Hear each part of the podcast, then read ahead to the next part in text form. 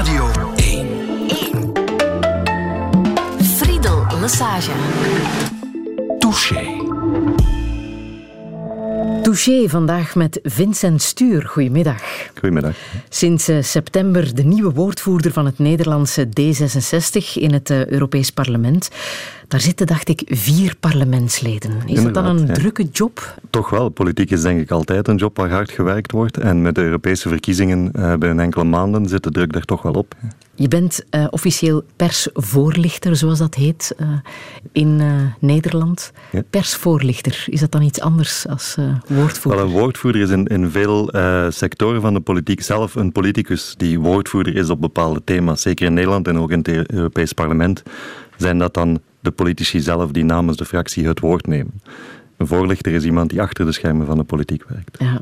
Heb jij voeling met Nederland? Sowieso, ik ben een, eh, een halve Nederlander. En ik wou het vooral doen omdat ik eh, voeling heb met D66. Een stroming in het liberalisme waar ik me altijd in thuis gevoeld heb. Ehm, dus voor mij was het veel natuurlijker dan het lijkt. En D66, de partij die in Nederland ook eh, heel erg actueel is op dit moment, wegens eh, nieuwe voorzitter. Inderdaad, dus ehm, Alexander Pechtold is de man die de partij eigenlijk groot gemaakt heeft. Twaalf jaar lang, wat zeker in de Nederlandse politiek heel lang is. Eh, politici houden het daar meestal niet zo lang uit. In België kan je eerst 40 jaar verder doen. In Nederland Ja. is er meestal na twee, drie termijnen... ehm, zit het er wel op. Maar Pechtold heeft de partij eh, twa- twaalf jaar lang tien keer op rij verkiezingen doen winnen. En stopte nu eigenlijk eh, out of the blue, kon hij zijn ontslag aan, wordt vervangen door Rob Jetten, een Tweede Kamerlid van, eh, ik denk, 31 jaar. Ja, en daar ben jij nu ook wel op een of andere ma- manier bij betrokken natuurlijk. Hè? Ik werk natuurlijk in het eh, Europese Ja, parlement. hè, maar ja. de campagne wordt natuurlijk deels in Den Haag en deels in Brussel gemaakt. Ja, je hebt ook jarenlang gewerkt voor de Europese Commissie als speechschrijver, onder andere voor José Manuel Barroso. Heb je daar nog contact mee? Ja, af en toe. Ik kom nu ook niet vaak in Londen natuurlijk, maar er is nog wel een, nog wel een lijn, ja. Daarvoor was je ook eh, woordvoerder van eh, Karel de Gucht. En je bent ook eh, schrijver, hè? zoals van het boekje dat je in mei hebt uitgebracht, Curb Your Idealism, over de staat van de Europese Unie. Schrijven doe je ook graag. Sowieso. Dat is ook de, de rode draad, denk ik, in, mijn, in, in alles wat ik doe. Of het nu voor de schermen of achter de schermen is. Ik ben een soort politieke psychoanalist. Ik kijk graag naar hoe mijn omgeving er juist uitziet. En dan probeer ik echt tot de essentie te komen. Niet alleen van hoe politici denken, wat eh, in mijn theaterstukken onbezongen eh, de rode draad was. Maar ook over hoe mensen over politiek denken. In dit geval was het dan Europese ambtenaren. En daar komt dan een soort eh, analyse uit. Ja. Ik zoek het grotere verhaal ervan. Hoe zou jij jezelf omschrijven? Als mens ben ik denk zoals de meeste mensen heel veel verschillende dingen. Vader van vier kinderen, mechelaar, cultuurliefhebber, theaterschrijver. Professioneel denk ik dat er één rode draad heel duidelijk in zit en dat is die, die psychoanalyse. Je noemt jezelf psychoanalist? Wel, ik ben geen getrainde psychoanalist, maar dat is, dat is de beste korte Aha. beschrijving voor Maar wat de, de rode draad is door al mijn verschillende eh, bezigheden ja, in de politiek. Psychoanalist van de, van de politiek. Een halve encyclopedie, dat heb ik ook over jou gelezen. Dat is een een mooi compliment. ja, ehm, het is wel zo dat ik altijd van, van de realiteit vertrek en ik probeer altijd heel erg de parallel te trekken met eh, historische eh, voorbeelden. Eh, ik ben constant met geschiedenis eh, bezig en daar probeer ik dan de, de, de parallel met eh, vandaag te trekken. Vincent Stuur, welkom in Touché. Radio 1. 1. Friedel Lassage. Touché.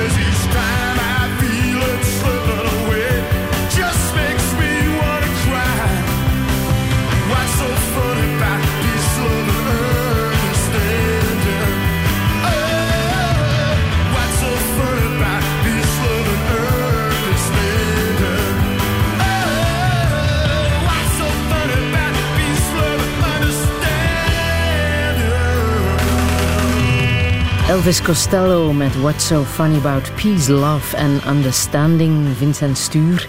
Peace, Love and Understanding. Dat uh, waren thema's die ver te zoeken waren, denk ik, uh, de voorbije week. Hè. Als we kijken naar uh, wat er allemaal is gebeurd na de gemeenteraadsverkiezingen. Ik vermoed dat jij als politicoloog dat ook allemaal wel een beetje hebt gevolgd. Sowieso. Het is een, een, fantastisch nummer. Ik ben een enorme Costello-fan. Sowieso. Ja. Uh, maar het vat ook de tijdsgeest, denk ik wel, samen. Uh, is there only pain and hatred and misery? Die, dat gevoel kreeg je al eens de voorbije twee jaar. Ja. Als je de wereld in het algemeen volgde.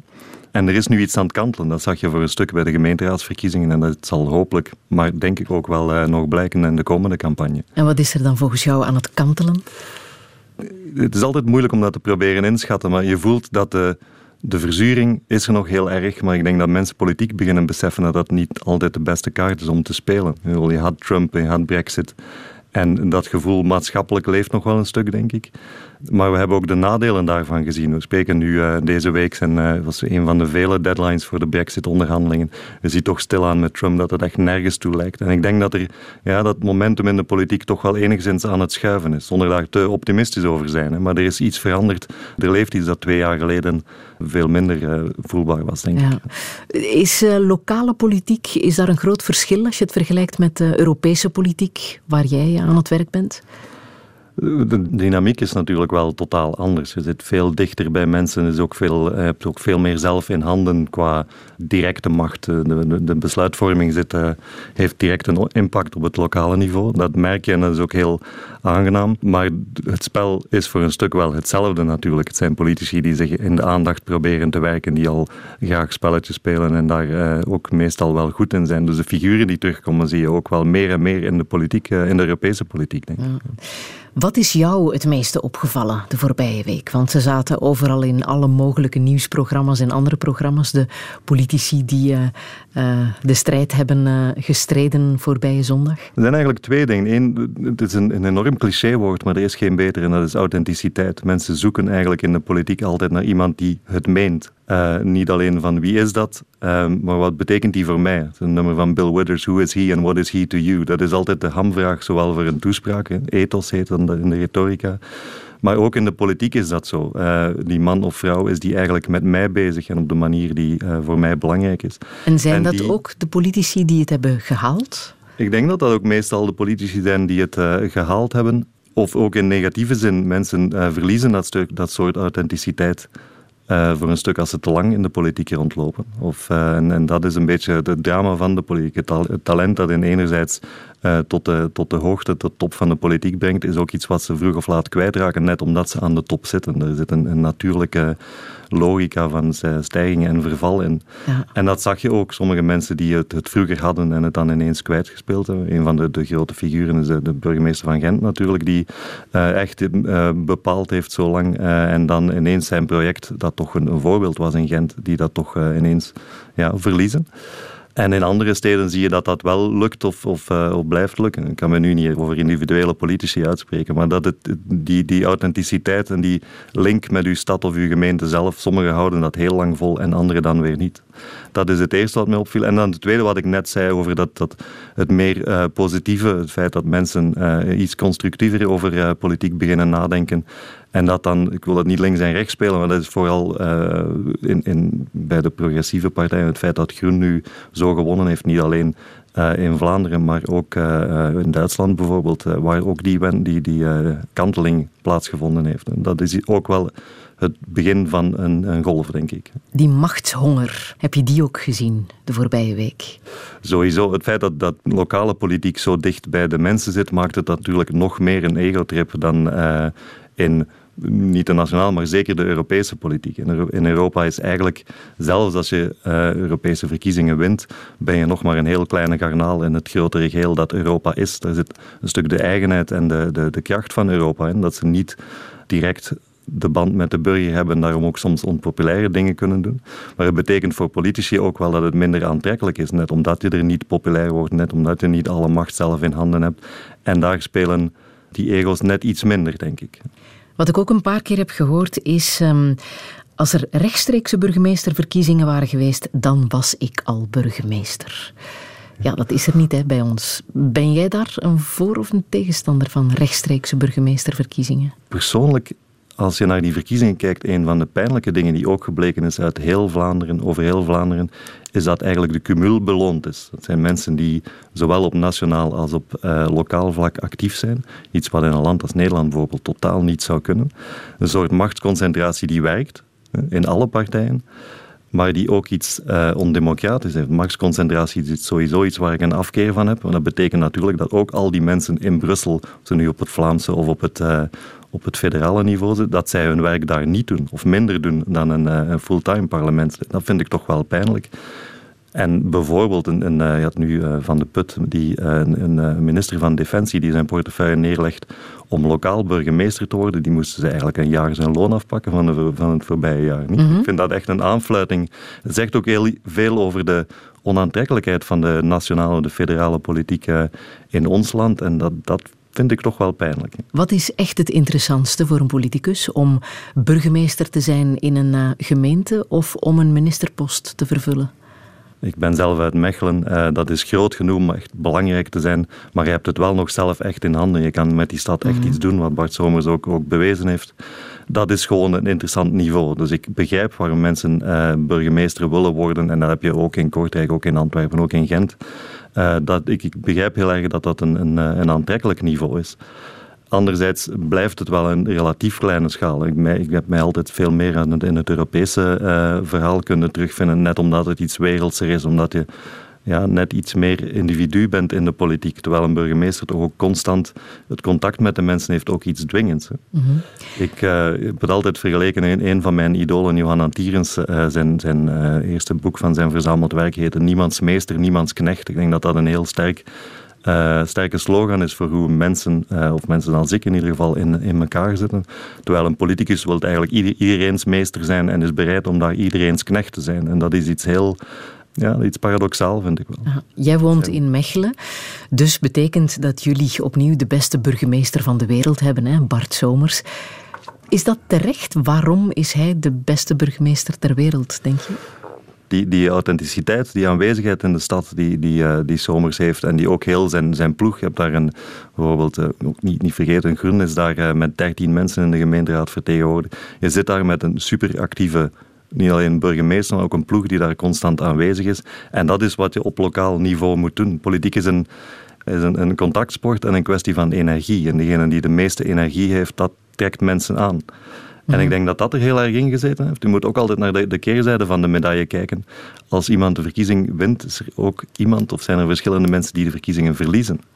En dat zijn in Mechelen uh, mensen waar ik soms uh, sympathie voor heb, maar uh, die duidelijk niet het soort alternatieve energie konden bewerkstelligen, konden, konden uitstralen om dat te doen. Wat adviseer jij de politici die nu uit de boot zijn gevallen? Ja, um, ik, ik, ik, wil helemaal niet bedweterig doen. Mijn, mijn idee van, van als ik zo'n analyse maak is niet om, om mensen de les te spellen. Um, maar er is heel veel te zeggen voor het Nederlandse model. De kwaliteit van het professionalisme van politici en politieke partijen in Nederland ligt een pak hoger dan bij ons. En dat heeft er veel mee te maken dat er ook uitstroom is uit de politiek. Als je in Nederland, als u haring niet bakt, dan ga je ook weg. Wouter Bos was uh, een paar jaar geleden de man, de coming man binnen de Nederlandse politiek. Als dit niet meer werkt, dan gaat hij ook gewoon weg. Job Cohen hetzelfde, heeft uh, op een bepaald moment kans gehad om minister-president te worden. Is dat niet geworden, is ook gewoon weggegaan. Maxime Vragen. In Nederland is politiek iets wat je doet een aantal jaar en als het niet lukt, dan ga je ook gewoon weg. En als er uitstroom is, is er ook instroom van nieuwe mensen. Dus ik vind dat mensen die politiek verliezen, moeten eigenlijk niet alleen met zichzelf bezig zijn, moeten ook gewoon denken wat is het effect ervan voor de politiek in het algemeen. En dan is soms de ene zijn dood, de, de andere zijn brood. Waarom stappen ze niet op bij ons, denk je? Heeft dat ook te maken met wat er achter de schermen uh, zich afspeelt? Nee, ik denk dat het gewoon een, een andere politieke cultuur is. Mm -hmm. Het is heel moeilijk bij ons om uh, in, uh, in, de politiek gewerkt te hebben en dan de overstap te maken naar uh, andere sectoren, het bedrijfsleven. Zien, ze zien u als iemand die niet geslaagd is in de politiek. Terwijl in Nederland, waar ze die traditie dan wel hebben, zien ze als iemand die politieke ervaring heeft, die ook in het bedrijfsleven of in, bij de NGO's van pas kan komen. Een van de uitzonderingen Uh, trouwens, niet toevallig iemand die ook met uh, D66 wel gedweept heeft, is Sven Gats, die effectief ook op een bepaald moment uh, de politiek verlaten heeft. En, en, teruggekeerd is. En teruggekeerd omdat de politiek toch wel aantrekkelijk blijft, ondanks alles. Ja. ja en dan ook maar dat een... zeg je ook. Hè. Je kan je als politicus maar één keer heruitvinden. Dus als je terugkeert, kan dat maar één keer? Wel één keer of ik twee keer denk ik dat ik gezegd had. Hè. De, de, de, het, het, schijnt ook een, een ijzeren wet te zijn in het bedrijfsleven dat de allergrootste kunnen zichzelf twee keer uitvinden. Okay. En dat zie je wel uh, ook in de politiek, maar nooit drie keer. De voorbeelden zijn, er zit een soort uh, logica in. Iemand als Wilfried Martens bijvoorbeeld, die echt als hemelbestormer toen de, de Vlaamse zaak pleitte binnen de CD&V. Jean-Luc Dehaan is zo iemand, Guy Verhofstadt is zo iemand. Op, je komt meestal maak je het eerst als hemelbestormer, als rebel. En je kan je dan achteraf heruitvinden als, uh, als, als staatsman. Maar om daarna nog eens uh, jezelf heruit te vinden, vroeg of laat, blijf je jezelf zo uh, opnieuw marketen dat het iets verdacht krijgt. En dat mensen ook op den duur aan die authenticiteit opnieuw gaan, gaan twijfelen. Belangrijke vraag die veel te weinig gesteld wordt volgens jou is waarom doen deze mensen aan politiek? Weet jij het antwoord? Nee, er is geen antwoord. En dat is juist wat mij ook uh, aangezet heeft om, uh, om daar een toneelstuk over te schrijven. Elk antwoord dat je bedenkt zit uh, binnen de kortste keren in de paradoxen. Men wil macht natuurlijk. Dat is iets, je, je zit in de politiek met een soort gedrevenheid om macht te krijgen. En tegelijkertijd hebben politici heel weinig macht. Wat is dat? Zelfs macht? Een, een, zelfs een relatief ja. uh, geslaagd politicus heeft die eigenlijk wel macht om dingen in gang te zetten. Mm -hmm. uh, tegenover, er zijn andere beroepen die waarschijnlijk veel meer macht hebben. Een bankdirecteur, ja, een ja. uh, politieke commentator, een bedrijfsleider, noem maar op, Europees ambtenaar. Er zijn veel andere jobs waar, waar macht in, in te vinden is, die voor de meeste politici totaal uitgesloten zijn. Ik kan mij niet veel politici voor gedachten halen die graag Europees ambtenaar of bankdirecteur zouden willen worden. En dan is er dat andere element van politici. Wij hebben ook heel veel macht over politici. Politicus is constant bezig. Wat denkt mijn partij erover? Wat denkt de basis van mijn partij erover? Wat denken journalisten erover? Je bent eigenlijk constant bezig met andere mensen die op een of andere manier macht over jou hebben. En dat is ook iets wat je, wil, wat je moet willen.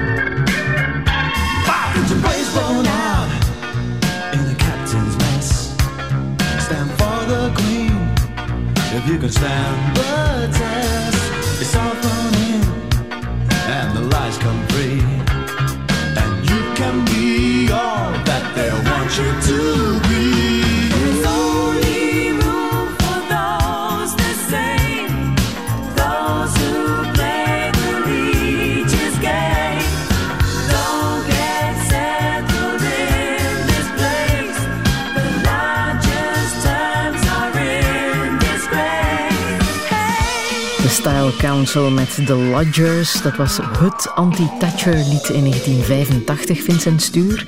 Jij was fan van eh, de Style Council? Ik ben dat achteraf geworden. Ik was op dat moment eh, negen jaar oud. Dat is nog net iets Nog te net iets te jong. Maar een anti-Thatcher-lied, ehm, was dat eh, ook jouw ding?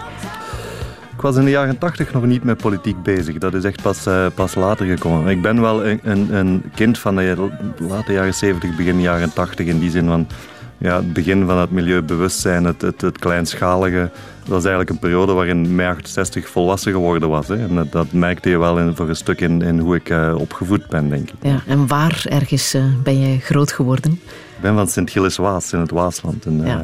Een uit de hand gelopen tankstation tussen Antwerpen en eh, Gent. Uit de hand gelopen tankstation. Er is weinig te, te beleven, eh, nu nog, nog minder denk ik dan vroeger. Maar het was wel een, een, een- goede plaats om op te voeden, eh, om opgevoed te worden. Ja, en waarom was het een goede plek? Dat het heel klein en, en onschuldig was. En daarna in, in Sint-Niklaas naar de middelbare school geweest, waar Tomlan was en kartonnen dozen overschreef. Maar in het algemeen redelijk eh, ja, onschuldig en gewoon. En zo moet een opvoeding ook zijn, denk ik. Uit welk nest kom jij? Een redelijk warm nest. Ik ben de jongste van vier kinderen. Mijn vader was dokter en mijn moeder apotheker. Dus wel typisch middenklasse. Ehm, intelligent, maar niet intellectueel in die zin van er werd... eh, het was wel vanzelfsprekend dat je Latijn ging doen, wat mij trouwens nooit gelukt is. En de andere broers en zussen wel. En dat je daarna naar de universiteit ging. Dus dat, dat was, eh, voor vanzelfs, werd voor vanzelfsprekend genomen.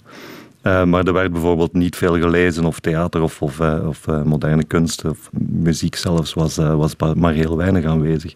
Dat heb ik achteraf zelf allemaal ontdekt. Ja, autodidact geworden. Voor een stuk wel, ja. Ik ben sowieso iemand die altijd redelijk traag op gang komt. Ik heb een jaar in, in Engeland gestudeerd, in het noorden van Engeland, in Leeds.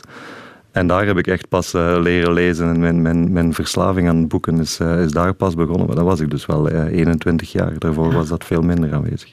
Werd er veel over politiek gepraat bij jullie thuis? Niet zoveel. Ik ben een, een, eh, een halve Nederlander. Mijn moeder is, eh, ehm, haar familie is eh, met Philips ooit voor de Tweede Wereldoorlog naar Leuven verhuisd. Dus die had heel weinig eh, binding eh, met de politiek, met de, met de Belgische politiek. Mijn vader was eh, actief binnen de Volksunie. Maar dat was niet heel erg aanwezig. Ik heb daar voor een stuk de politiek en het begrip ook van, of het inzicht in dat Vlaams nationalisme daar wel gekregen.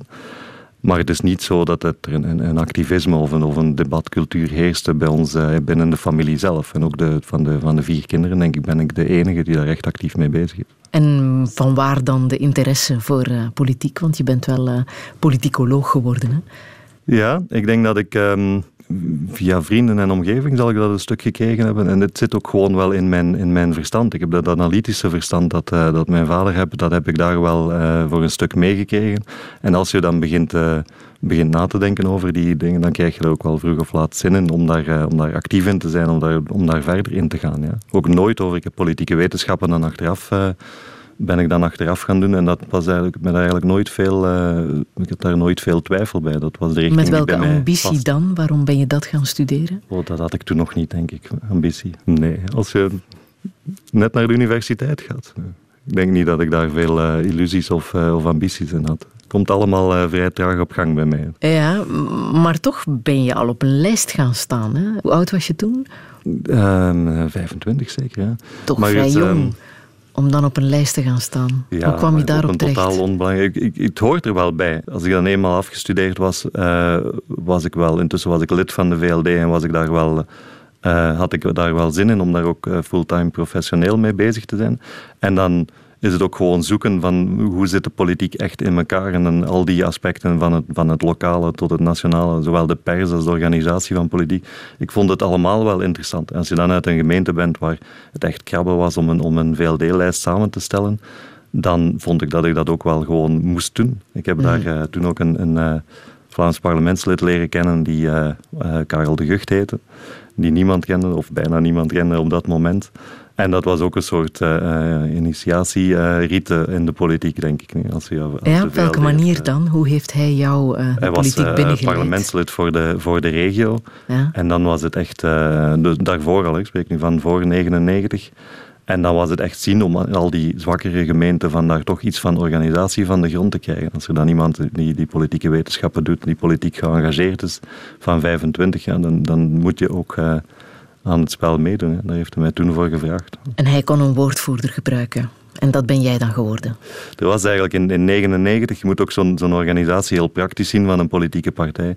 Eh, als je in de oppositie zit, toen, eh, tien jaar zeker, ja, dan wordt de, de body van zo'n partij, echt de, de organisatie daarvan, is vrij klein. Je zit in de oppositie, je hebt geen ministeriële kabinetten, je hebt geen een kleine eh, studiedienst enzovoort. En dan in 1999 hadden we ineens ni- niet alleen de minister-president en, eh, en de federale premier, maar ook zoveel ministers en, en eh, zoveel meer mensen die je kon aannemen. En er is toen eigenlijk een hele lichting van VLD'ers eh, ehm, ja, die toen voor het eerst een kans gekregen heeft. Gwendoline Rutten was toen een van mijn eerste collega's. En hoe was het voor jou om eh, op die manier eh, de politiek binnen te komen? Wel spannend, denk ik. Dus sowieso even, even zoeken. Ik ben een laatbloeier, zoals ik er juist al zei. Ja. Ik wou ook direct, eh, na, na verloop van tijd, wou ik echt wel woordvoerder worden. En dat is mij ook onder Karel de Gucht dan gelukt. Omdat dat ook een plaats is waar je zelfs als redelijk kleine garnaal wel echt overal bij betrokken bent. En je zit wel waar het echt spannend is tussen de journalisten en, en dat spel tussen media en politiek. En wat is dat spel tussen media en politiek? Het is nu moeilijk om, een, om het juiste beeld eh, bij te vinden. Het is een soort, een soort haat-liefde verhouding. Er zit een, een, een soort, eh, eh, soort spanning en, en intimiteit. En tegelijkertijd zit er toch altijd een, een, een, een competitie en een stuk van, van wantrouwen in. Het is wel iets fascinerend om te zien, vind ik, en om, om een rol in te spelen.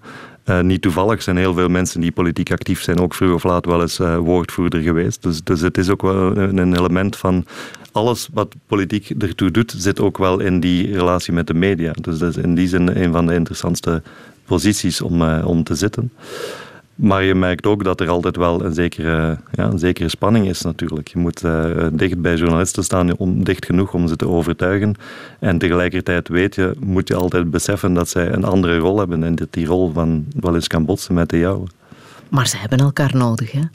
Ze hebben elkaar sowieso nodig. En, en er zit dezelfde drive bij veel goede journalisten die je ook bij politici hebt, denk ik. Eh goede politici moeten ook proberen zo dicht mogelijk echt op de realiteit te zitten en, en dieper graven dan anderen doen.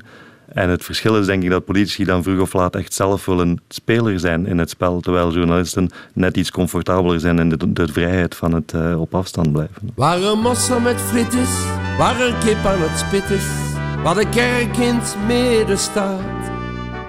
Waar de purperen hei bloeit en het geld in het zwart vloeit, waar men nauwelijks Nederlands praat. Waar het zwijgen veel zin heeft en de koning een kind heeft, waar de schuimwijnkoningin defileert. Waar het volk goed laks is en een vuist zonder kracht is, waar men fouten aan de toog expliqueert. Vlaanderen boven, waar men de Heer nog kan loven. Waar de mensen belangrijk zijn en de buiken omvangrijk zijn. Buiten, Waar de vogeltjes fluiten, Vlaanderen mijn land, bij het Noordzeestrand. waar de kleurenbuis grijs is en de schroef nog een wijs is, waar de rijkswacht goed functioneert. Waar een piek een houweel is en geen pintje te veel is, alle wegen dicht zijn gesmeerd. Waar de G soms een H is, AVVVVK is en men ernst zodanig prijst. Waar de Giro paraat staat en de man aan de vaart staat. Waar de camera traag gaat, de premier nogal vaak praat, de vakantie naar Spanje wijst. Vlaanderen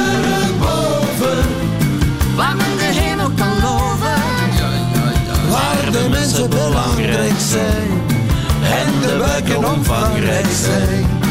Vlaanderen buiten, Waar de vogeltjes fluiten, Vlaanderen mijn land, ook het mijne. bij het Noordzeestrand. Kemmelberg, het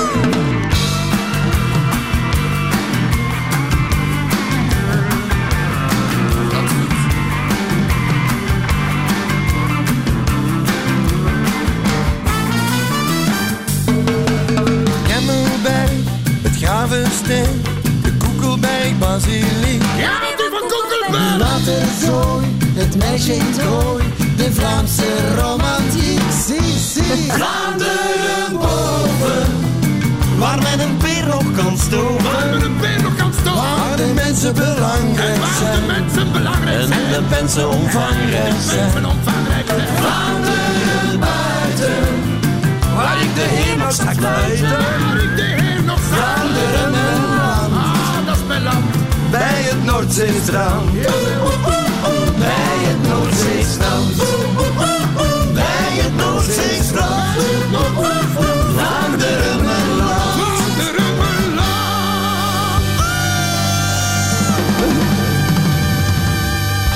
Vlaanderen boven van Raymond van het Groenewoud. eh, De versie waar zowat heel zingend Vlaanderen aan meedeed.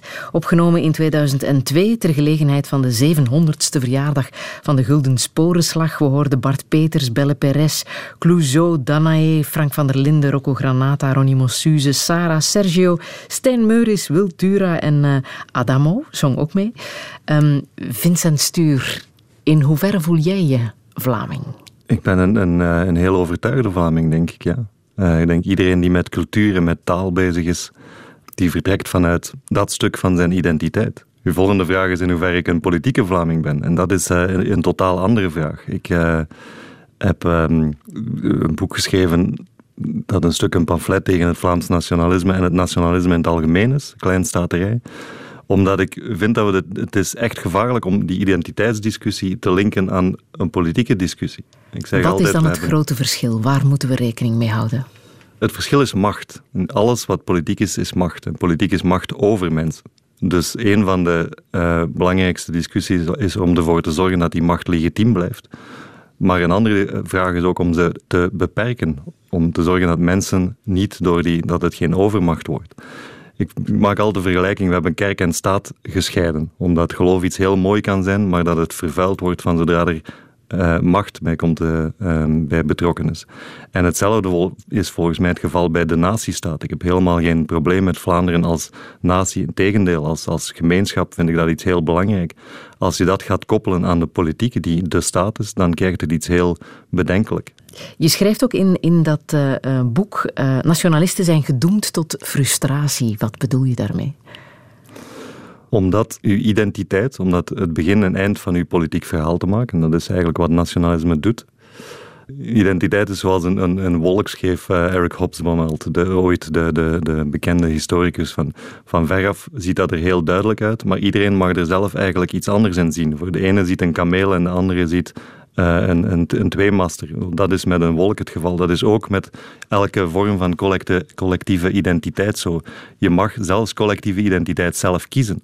Als je die probeert te vatten binnen grenzen, als je dat begin en eind van je politiek verhaal maakt, dan eh, blijkt dat het ook niet kan. Er is, eh, en iedereen is gecharmeerd door een nummer als geen we juist gehoord hebben over wat Vlamingen nu eenmaal kenmerkt. Herkenbaar, hè? Dus en het dat gaat is over jou. hè? herkenbaar, alleen is het niet exclusief. Er zijn 101 verschillende Vlamingen die daar niet in passen. En die hebben evenveel recht als de eh, bescheiden bierdrinkende voetbalkijker die, eh, die, die daarin beschreven wordt. Dus eh, als je een begrip als identiteit niet kan eenduidig omschrijven, kan je er ook geen politiek verhaal op bouwen. Dat is het verschil met een maatschappij die op rechten gebaseerd is. Die zijn wel duidelijk omschreven, die staan namelijk in verdragen gevat en daar heeft iedereen evenveel recht op, letterlijk en figuurlijk. En verklaar je daar ook eh, de grote aantrekkingskracht van nationalistische partijen op dit moment, hè? ook eh, Europees gezien? Wel, er zijn verschillende dingen. Ik, ik denk dat het is een ehm, het tekortschieten van centrumpartijen, van middenpartijen, om die collectieve identiteit, om de samenhang tussen mensen, om die duidelijk te maken op een positieve manier. Iets wat nationalisten op een, op een negatieve manier doen. Ten tweede is, denk ik, wij zijn een maatschappij die erg veel schrik heeft. En er is ook heel veel om schrik van te hebben. En wie bang is, die gaat zich, eh, in Engels zeggen ze, hold on to the nurse for fear of anything worse. Ik denk dat dat voor een groot stuk speelt. Wij hebben heel veel te verliezen. En dan is het ook logisch dat je al eens in een kamp gaat als maatschappij. Ja, zoals? Wel, ik denk het hele identiteitsdebat eh, wordt daardoor gedreven, denk ik niet. Enerzijds zie je eh, geopolitiek, machten als China en, en Rusland veel assertiever dan zelfs maar tien jaar geleden nog het geval was. Je ziet bedreigingen internationaal, zowel vanuit technologiebedrijven of, of eh, dingen die oncontroleerbaar zijn door technologie, maar ook terrorisme, eh, migratiestromen. Dat zijn dingen om schrik van te hebben. En dat je dan terugplooit op hetgeen wat vertrouwd is, ehm, dat is, dat lijkt mij een logische reactie. De vraag is of het ook politiek een constructieve reactie is. Of je niet beter een maatschappij of, of een politiek systeem op rechten, op integratie, op samenwerking, wat het Europees is, of dat geen beter antwoord levert tegen de, tegen uitdagingen waar we mee worstelen dan de systemen die vroeger werkten. Je eh, werkt als eh, woordvoerder en eh, speechschrijver bij de Europese Commissie, dus je hebt al ontzettend veel politici zien passeren. Ehm, met die kennis heb je ook, zoals al gezegd, een, een theaterstuk gemaakt, hè, onbezongen. Eh, vorig jaar in première gegaan met eh, Valentijn Danens. Ik wil even een eh, klein fragment laten horen. Jullie moeten nu de rest van dit land overtuigen van onze campagne! Want wij willen winnen! wij willen groeien! eh, dat zit wel goed. Maar alleen niet roepen, dat laatste. Ja, ik heb wel de neiging om, om te roepen als ik mijn punt eh, moet maken. Eh, probeer het, het zal ze ook wel overkomen, stevig spreken, maar laat het dan even hangen. Hangen. Zo'n publiek, dat klapt sowieso alleen voor zichzelf.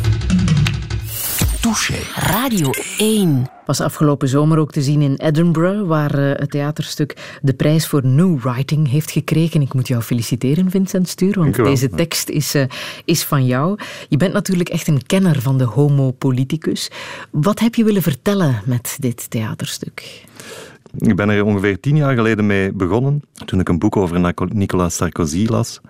Eh L'Aube, le soir ou la nuit, geloof ik dat het heette. Jasmina Reza, toevallig ook een theatermaakster, die heel anekdotisch beschreef hoe die man ineen zat. Zij volgde hem tijdens zijn campagne en zag dan hoe hij over, zijn over zichzelf sprak, bijvoorbeeld. Hoe hij omging met zijn medewerkers. eh, hoe hij omging met het verleden en de meer filosofische kwesties, hoe hij in het leven stond. Maar ook het is de fantastische anekdotes en als hij zo, als het eens niet over hem eh, gaat. Hoe hij dan terug bijna een klein jongetje wordt die zo op de achtergrond staat te smeken van eh, kies mij er alstublieft terug uit. Ik vond dat enorm eh, sprekend en ook heel herkenbaar. En dan ben ik, om- omdat het net erg leek op de politici die ik in mijn omgeving zag. ik zat, was toen eh, eh, woordvoerder op buitenlandse zaken. Die je dus ook in de Europese politiek, ook in de partijpolitiek, zag je dat soort figuren die perfect dezelfde soorten uitspraken deden. Ehm, en die ben ik beginnen verzamelen. Dus ik heb eigenlijk tien jaar lang elk boek dat ik las over historische figuren, ben ik anekdotes van en over politici beginnen sparen. En de bedoeling was van, ik had er eh, uiteindelijk bijna honderd van op basis van dat echte materiaal eh, een mozaïek te maken waar een, een, archetype van een politicus uitkwam. En een van de bijzondere vaststellingen eh, was dat eh, behoorlijk veel grote politici, internationale politici, een vadercomplex hebben. Hè?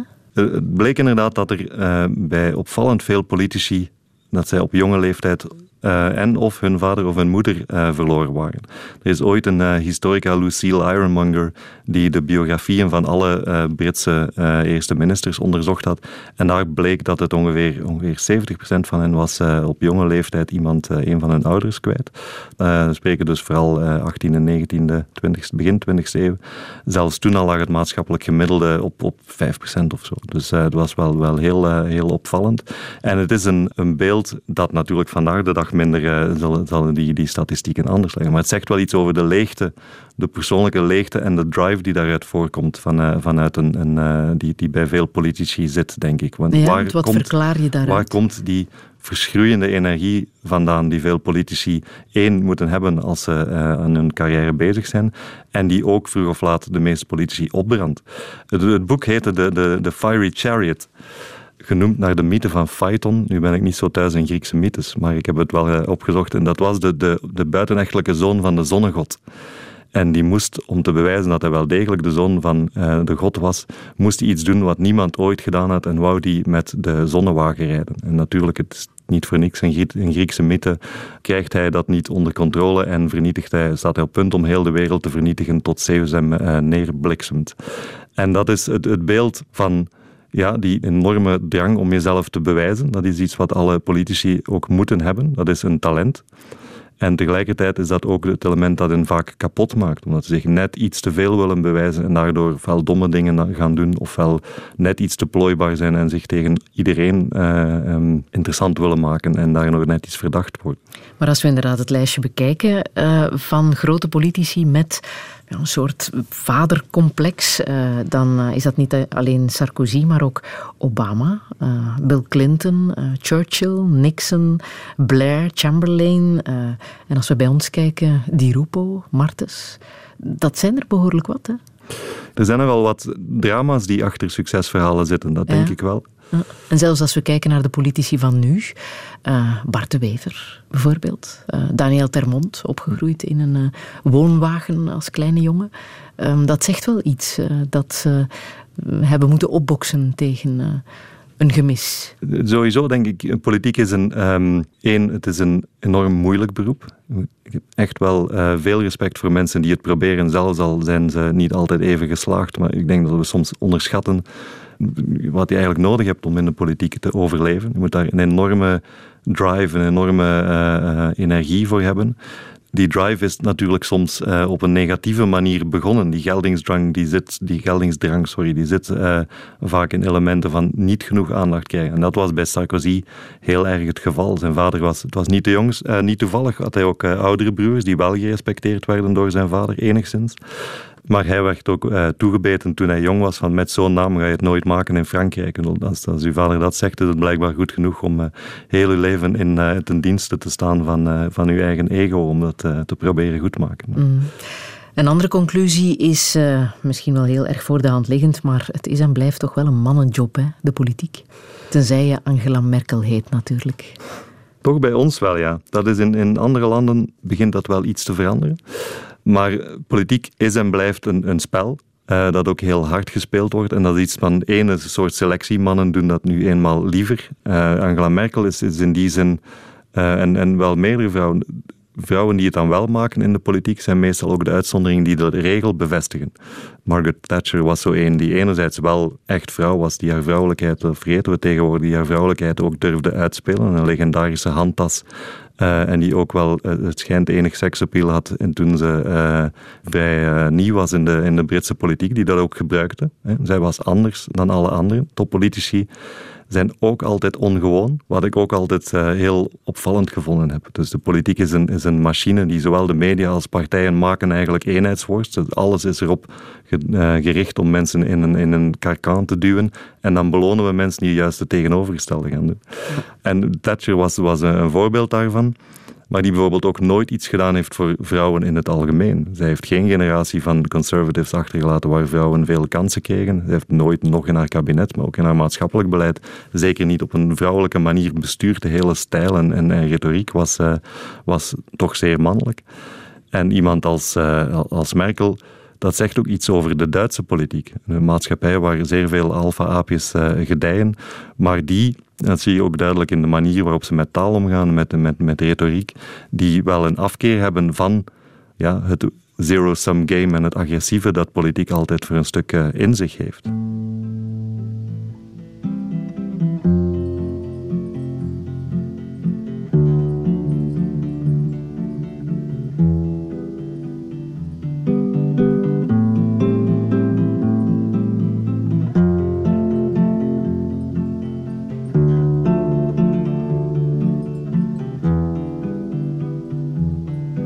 It's four in the morning, the end of December. I'm writing you now just to see if you're better.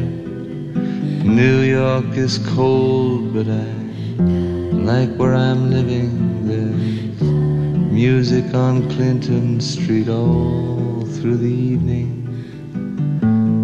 I hear that you're building your little house deep in the desert.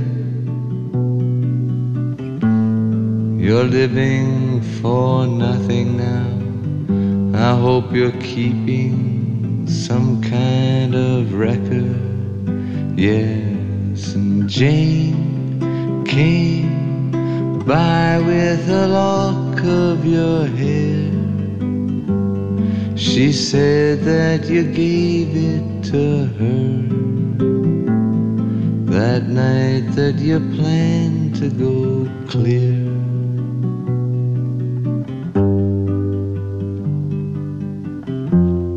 Did you ever go clear?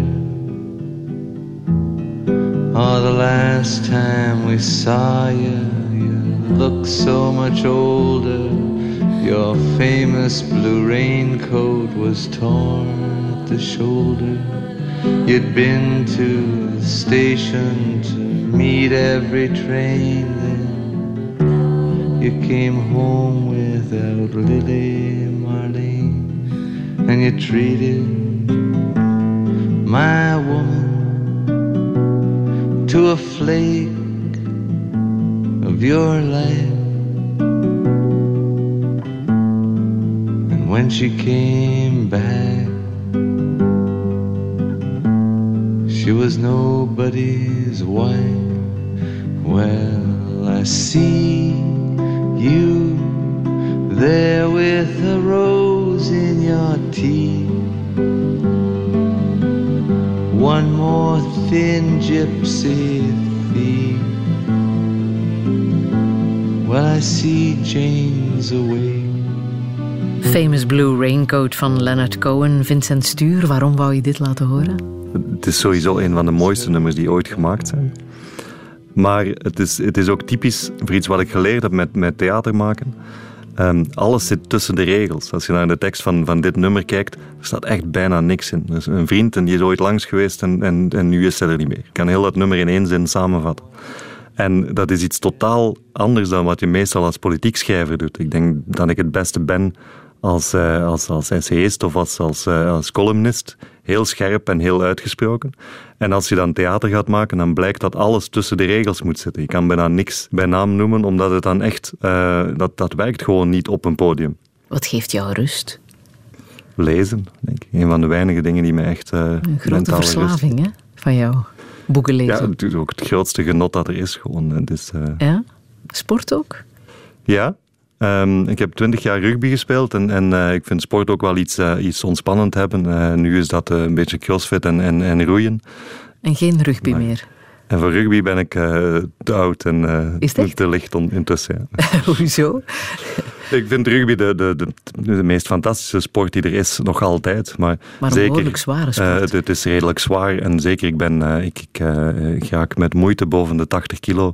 En dan moet ik echt gewoon vier keer in de week kunnen trainen om dan zondags dat rugbyveld op. En dat krijg je gewoon als je zo'n job hebt en, en, en vier kinderen en nog wat andere hobby's, krijg je dat gewoon, eh trek je je dat hebt niet er ook al behoorlijk wat eh, littekens aan overgehouden. Het, het valt nog mee, denk ik, maar ik heb wel minstens vier van mijn, eh, van mijn vingers gebroken geweest en, en is, een, is een rib en een, en een schouder. Maar eh, zware blessures heb ik er nooit aan overgehouden. Politieke series, bekijk je die? Nee, ik moet zeggen, ik, eh, televisie kijken is iets wat ik eh, redelijk weinig doe. Ik heb ook geen televisie, maar zelf Netflix enzovoort, omdat het mij geen rust geeft. In tegenstelling tot een boek is dat niet iets waarbij je echt je verstand kan afzetten.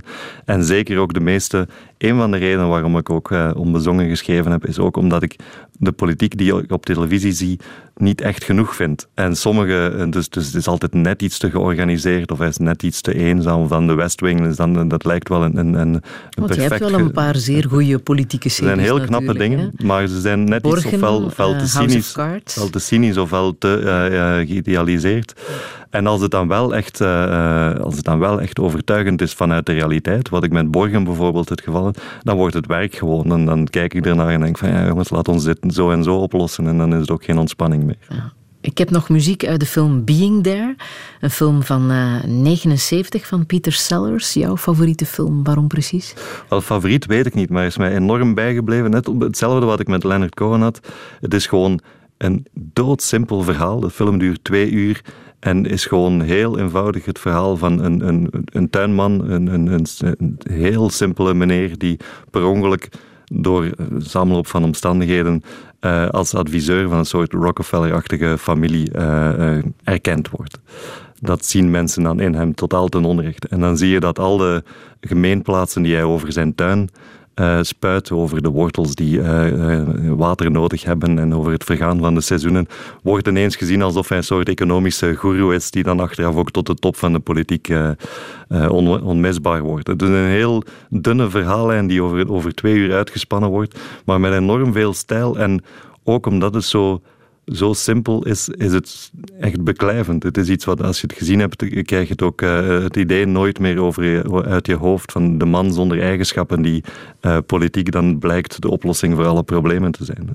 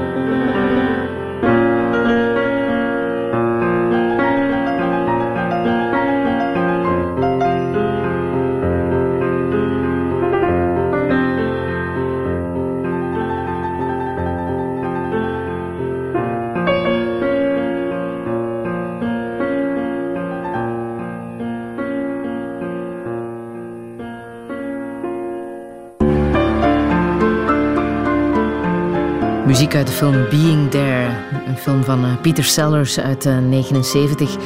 Zometeen praat ik verder met Vincent Stuur, politicoloog en woordvoerder van D66 in het Europees Parlement. Tot zometeen na het nieuws van 12 uur. Radio 1. Friedel Lesage. Touché met politicoloog Vincent Stuur.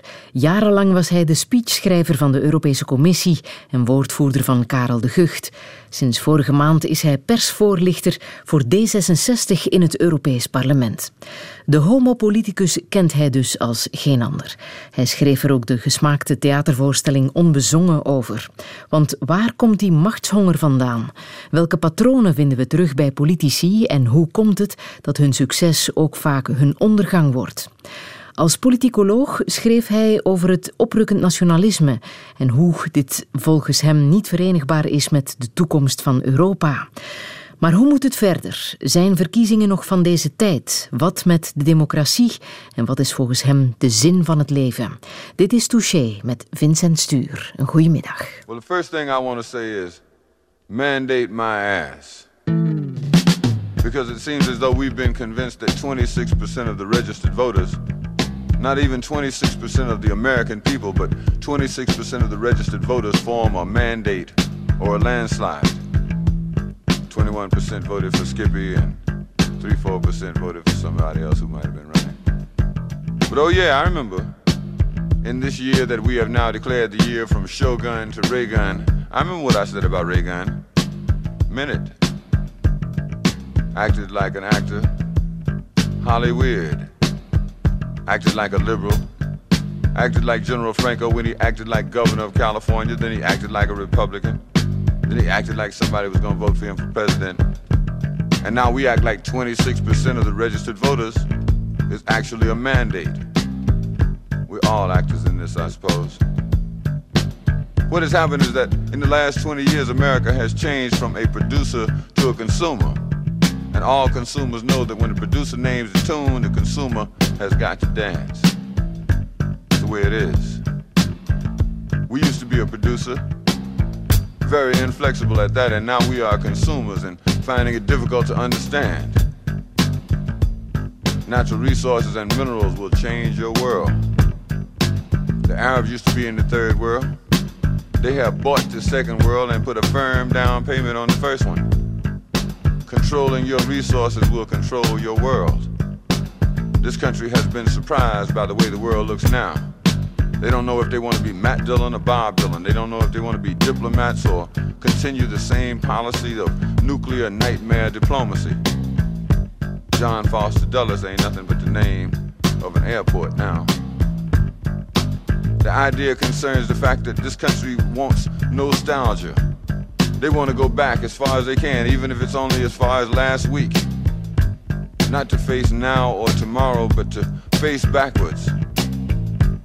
And yesterday was the day of our cinema heroes riding to the rescue at the last possible moment. The day of the man in the white hat or the man on the white horse.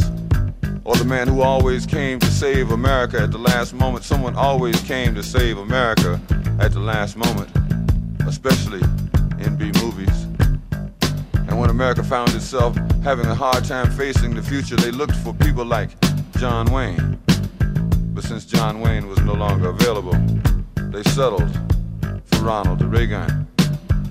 And it has placed us in a situation that we can only look at like a B movie. Come with us back to those inglorious days when heroes weren't zeros. Before fair was square, when the cavalry came straight away and all American men were like Hemingway to the days of the wondrous B movie.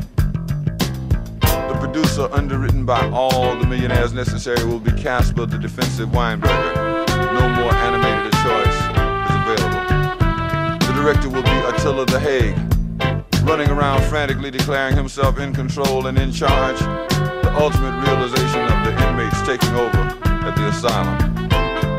The screenplay will be adapted from the book called Voodoo Economics by George Papa Doc Bush. Music by the village people, the very military macho man.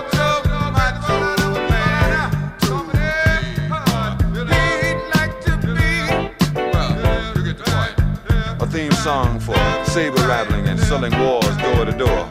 Remember, we're looking for the closest thing we can find to John Wayne. Cliches abound like kangaroos, courtesy of some spaced out Marlon Perkins, a ray gun contemporary. Cliches like itchy trigger finger and tall in the saddle and riding off or on into the sunset. Cliches like get off of my planet by sundown. More so than cliches like he died with his boots on. Marine tough to man is Bogart tough to man is Cagney tough to man is Hollywood tough to man is cheap steak tough and substantial. Synthetic selling, a Madison Avenue masterpiece, a miracle, a cotton candy politician, pesto macho, macho, macho. Put your orders in America, and quick as Kodak, your leaders duplicate with the accent being on the dupes. Because all of a sudden we have fallen prey to selective amnesia, remembering what we want to remember and forgetting what we choose to forget. All of a sudden, the man who called for a bloodbath on our college campuses is supposed to be Dudley Goddamn Right. You go give them liberals hell, Ronnie. That was the mandate to the new Captain Bligh on the new ship of fools. De Amerikaanse dichter-muzikant Jill Scott Heron met B-Movie. Hierin uh, bekritiseert hij uh, de acteur Ronald Reagan, die het uh, tot president van Amerika schopte. Nu, een, nummer kun je het niet echt noemen, Vincent Stuur. Het is, het is bijna een speech hè, wat hij hier brengt. Het is een speech. Um, er zit een, een, een, fantastische verhaallijn in die echt opbouwt zoals een goede speech moet doen. Eén thema dat er doorheen loopt. En het begin is ook fantastisch. The first thing I want to say is mandate my ass. Dat is de toon gezet van in het begin. En dat is iets wat speeches al te weinig doen. Ik geef af en toe workshops over, over hoe je een speech schrijft en dan laat ik dit nummer altijd horen.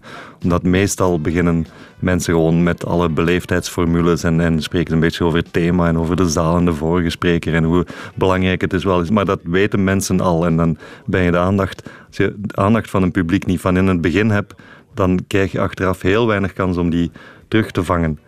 Dat is altijd mijn belangrijkste advies als, uh, als, uh, als speechwriter. En dat is wat Gil Scott Heron beter dan eender wie doet, denk ik. En wat is dan het geheim van een goede speech? Hoe moet je die opbouwen? Daar hebben we op zich al een uitzending uh, van Touché voor nodig, denk ik. Kort gezegd. Ik denk, de helft van het werk zit in de inleiding, meestal. Tenzij je echt een heel begenadigd spreker bent, moet die inleiding moet de helft van jouw werk ook zijn om die perfect te vatten. Niet alleen het thema, maar ook de link met het publiek te leggen. En alles moet, zoals bij een krantenartikel, als de inleiding en de titel niet kloppen, dan lezen mensen ook de rest niet. Dus het brengt niet op van dan halverwege in jouw toespraak een belangrijke boodschap te steken. Mensen zijn letterlijk en figuurlijk niet meer wakker, niet meer mee. En dan denk ik dat het, het, eh, het moet eenvoudig. En het, het wat mij altijd opvalt, is dat alle regels van de retoriek, dat wij die kennen. Dat zijn ook de gewone communicatieregels, die zitten in muziek, die zitten in reclamecampagnes, die zitten ook in de manier waar, waarop wij met elkaar spreken. En zodra we beginnen schrijven, vergeten we dat allemaal. Als iemand aan jou vraagt van wie ben jij, omdat hij jou wilt leren kennen, dan begin je niet van ik ben geboren op 30 december 1975 in Sint-Niklaas. Nee, dan zeg je iets grappigs, of dan zeg je, kom je tot de essentie, dan, dan zeg je iets over jezelf en achteraf ga je dat uitleggen. Terwijl in een toespraak beginnen we effectief met heel het proces om dan achteraf pas tot de conclusie te komen. Nee, het begint met de conclusie en een manier om te blijven luisteren en al de rest volgt daaruit. Wat is voor jou echt een, een, een voorbeeld van een goede speech? Er zijn twee voorbeelden waar ik uh, regelmatig zelf naar teruggrijp en die ik ook zelf regelmatig uh, opnieuw beluister als ik iets moet schrijven dat echt belangrijk is. Een daarvan is de, de toespraak die Jeff Lambrecht, oud-VRT-journalist, gegeven heeft op de plechtigheid voor Hugo Claus. Die echt een voorbeeld is ook van het heen en weer springen van, van verschillende verhaallijnen en die dan toch allemaal met elkaar in verband staan iemand waar ik het geluk gehad heb om ook uh, enigszins mee bevriend te zijn in de jaren, laatste jaren van zijn leven, die mij echt uh, uh, geraakt heeft. En die natuurlijk ook een van de mooiste stemmen had die hier in Vlaanderen ooit te horen geweest zijn, denk ik. -hmm. Een ander voorbeeld is mijn, iemand waar ik heel hoog mee oploop, is Christopher Hitchens, Brits-Amerikaanse auteur die een enorme polemist was fantastische boeken geschreven heeft ook, maar die ook als stem en de manier waarop hij zijn, zijn stem gebruikte in debatten, vooral als, als dan in de laatste jaren van zijn leven, maar op veel andere onderwerpen ook, die enorm kon spreken. Niet alleen omdat hij er de stem voor had, maar om, omdat zijn discours ook altijd opgebouwd was zoals het moet. Hij gaf zelf ook lessen in, in, in, in creatief schrijven. Hij zei ook van, van als je kan spreken, kan je schrijven. En dan vinden mensen dan altijd een, een, een, een geruststellende gedachte. Alleen voegde hij eraan toe, er zijn heel veel mensen die echt kunnen spreken. Um, een Obama die als eerste zwarte president baas van de vrije wereld wordt, die kan gemakkelijker, zou ik bijna noemen, een grote speech geven dan een minister van Economie die in, uh, in, een zaal voor het, uh, voor het VBO moet gaan spreken. De, de, een toespraak is altijd de omgeving. De twee zijn uh, niet van elkaar los te maken. Er zijn er in het Europees Parlement, en dat merk je als Europa wordt meer en meer politiek geladen. Die band en het belang daarvan is er nu meer dan dat zeg maar halverwege de jaren negentig het geval was. En dat maakt ook dat er een aantal mensen beter en beter beginnen spreken. Je merkt bijvoorbeeld, maar dat is natuurlijk mijn eigen fractieleider binnen het parlement, Guy Verhofstadt, die weet hoe hij moet spreken, die ook zowel het grotere verhaal als het heel kleine en het, het scherpe, bijna vilijnen in een debat moet steken. Ja, die weet echt mensen te raken, ook diegenen die niet, met zijn, uh, die niet direct eens zijn met wat hij zegt. Dat is, dat is, qua techniek is dat iets waar uh, toch veel naar opgekeken wordt. Maar er zijn er wel andere. Frans Timmermans is iemand, dus, dus de eerste ondervoorzitter van de Europese Commissie, is ook iemand die op een totaal andere manier dan Verhofstadt, maar waar je effectief ook een half uur naar kan luisteren, omdat hij niet alleen qua taal, maar ook qua, qua opbouw een enorm uh, goed verhaal kan brengen. En dan merk je dat bijvoorbeeld als, als het spel hard gespeeld wordt, beginnen mensen ook beter te spreken. Iemand als uh, Weber bijvoorbeeld, die nu een van de spitsenkandidaten is om de Europese Commissie te leiden, die tot nu toe nogal een grijze muis was, zoals christendemocraten al eens durven te zijn, die nu merkt van oké, okay, ik zit in een race waar ik mezelf moet bewijzen en waar ook, omdat Hongarije uh, met Orbán in zijn fractie zit, zit hij ook, staat hij ook met de, met de rug tegen de muur en dan komt daar betere retoriek uit. Als, als taal ertoe doet, dan wordt het ook beter. Hoe zie jij Europa evolueren? Ik, daar zal ik best niet te veel voorspellingen over doen, maar het, het, het leuke is dat ik, ik werk nu een kleine negen jaar binnen de Europese instellingen. En je merkt dat het over Europa gaat. Ik weet dat ik als, als uh, jong woordvoerder ooit de eerste verkiezingen die ik meegedaan heb, uh, 2004 als woordvoerder, hielden we een briefing tussen de politici die met Europa bezig waren en de journalisten die dat uh, waren. En dat was eigenlijk een wederzijdse klaagzang. Want zij kregen het aan de burger niet verkocht dat Europa belangrijk was. En de journalisten kregen het aan hun redactie niet verkocht dat Europa ertoe deed. En ze waren het eigenlijk over met elkaar eens. En nu merk je dat dat eigenlijk vanzelfsprekend, bijna vanzelfsprekend geworden is. Alle politieke fracties, alle politieke hoofdkwartieren, alle redacties zijn ook wel tot op zekere hoogte met Europa bezig. En zelfs als dat problemen zijn, is dat iets wat politiek interessanter maakt. Maar toch blijft het euroscepticisme, hè? Ja, en dat, is, eh, dat zal ook nooit weggaan. Europa is niet een niveau zoals het nationale dat eh, bij ons 180 jaar ervaring heeft en dat voor vanzelfsprekend aangenomen wordt dat het er is en dat het altijd zal bestaan. Het is ook niet onlogisch of er is ook niks verkeerd mee als mensen dat niet altijd goed begrijpen en daar kritische vragen bij stellen. Het interessante wat je nu ziet is dat mensen merken dat sepsis alleen, als het echt cynisch wordt, dan is dat ook een afbraakverhaal. En ik denk dat mensen politiek graag gebruiken om, om wat negatief te zijn. Ehm, maar dat als het er echt toe doet, merken ze ook wel dat dat negativisme consequenties heeft. Dat dat niet altijd eh, het beste is voor hen zelf. En, en net op, die, ja, op dat kantelpunt zitten we op, den- op dit moment, denk ik, over Europa. Je bent een grote anglofiel. Hoeveel pijn doet de brexit bij jou? Ehm, ik, ik denk dat in, in Brexit komt, komt alles, samen, alles samen zoals het niet zou moeten. Het is eh, niet alleen een verhaal van, van de, de, de meest verzuurde kant van nationalisme, de onverantwoordelijkheid, ook de, het ondemocratische van een maatschappij waar de politiek zich niet laat gelden. De Britse pers wordt voor een groot stuk aangestuurd, eh, natuurlijk door, door Rupert Murdoch op een manier die echt puur een eigen agenda heeft. Ook iets waar eh, zowel de macht van, van privéspelers, bedrijven, is iets waar ik eh, denk dat we enorm mee moeten oppassen. En zij krijgen in, in Brexit voor een groot stuk vrij spel. Maar het is ook een falen van de partijpolitiek. Eh, stel je voor dat zowel de Lib Dems als, de, als Labour op dit moment echt een ander verhaal hadden tegenover Brexit, dan denk ik dat die er ook niet zou komen. Maar je ziet dat zowel voor of na het referendum Corbyn dus de leider van Labour zich eigenlijk niet laten gelden heeft, niet de energie kunnen opbrengen heeft die, eh, of willen opbrengen heeft die je nodig hebt in een politieke discussie, eh, dan, dan verliest zo'n referendum natuurlijk ook zijn nut. Als dat een, een, een oefening in democratie is, dan moeten daar ook politici achter staan die hun verhaal vertellen. Dat was niet het geval bij Corbyn. Dat is sinds die verkiezingen uh, alsmaar minder het geval. Dat is helaas ook bij de Lib Dems veel minder het geval. Terwijl er een aantal mensen zijn, uh, Gina Miller bijvoorbeeld, die vanuit de bedrijfswereld komt, die echt een, een anti-Brexit-campagne begonnen is. Staat die Kaan, de burgemeester van Londen, die echt heel duidelijk zijn verantwoordelijkheid daarin neemt. Politiek is altijd een, een, zaak van aggregatie. In uw maatschappij leven een aantal dingen en dan moet je zien of die al dan niet gekanaliseerd worden door de politiek. En ik denk dat wat je vooral ziet in, in Groot-Brittannië is dat de politiek daar mijlenver staat van wat er echt leeft in die maatschappij. En wat dan ook de uitkomst daarvan is, dat is iets wat ik als liberaal-democraat altijd enorm pijnlijk vind. Hoe zie je de democratie evolueren? Ik, ik, daar ben ik nog niet zo pessimistisch over. Die, die, die sense of urgency, het besef dat het, dat er nu echt wel toe doet, die voel ik meer en meer in die maatschappij. Ik denk dat dat, uh, dat is zo één democratie in het algemeen, Trump en Brexit. Ook Europa is iets waar meer en meer mensen zich toch wel actief mee gaan bezighouden, dat meer op de radar zit. En dat is het begin van alle uh, oplossingen. Ook het feit dat zowel vanuit China als vanuit uh, Rusland er een, een, zekere dreiging is. Ik denk dat dat een, een besef is dat dat heel gezond kan zijn voor een democratie. Mensen geloven in politiek tot op zekere hoogte, denk ik, op dit moment. Zien in dat het belangrijk is en dat iets waar ik alleen maar gelukkig mee kan zijn.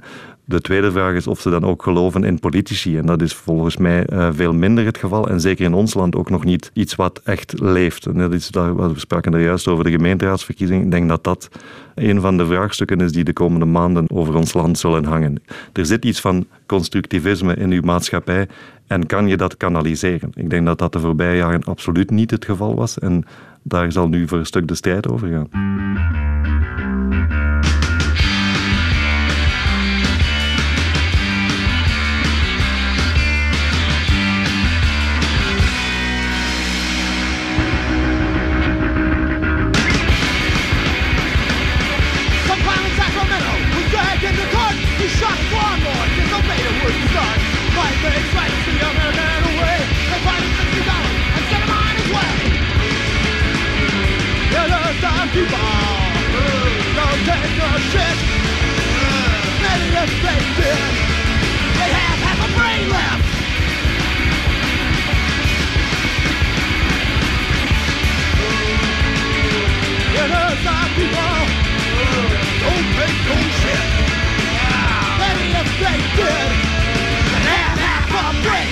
Een eh, nummer van een minuut van de, de Dead Kennedys. A Child and His Lawnmower. Eh Vincent Stuur.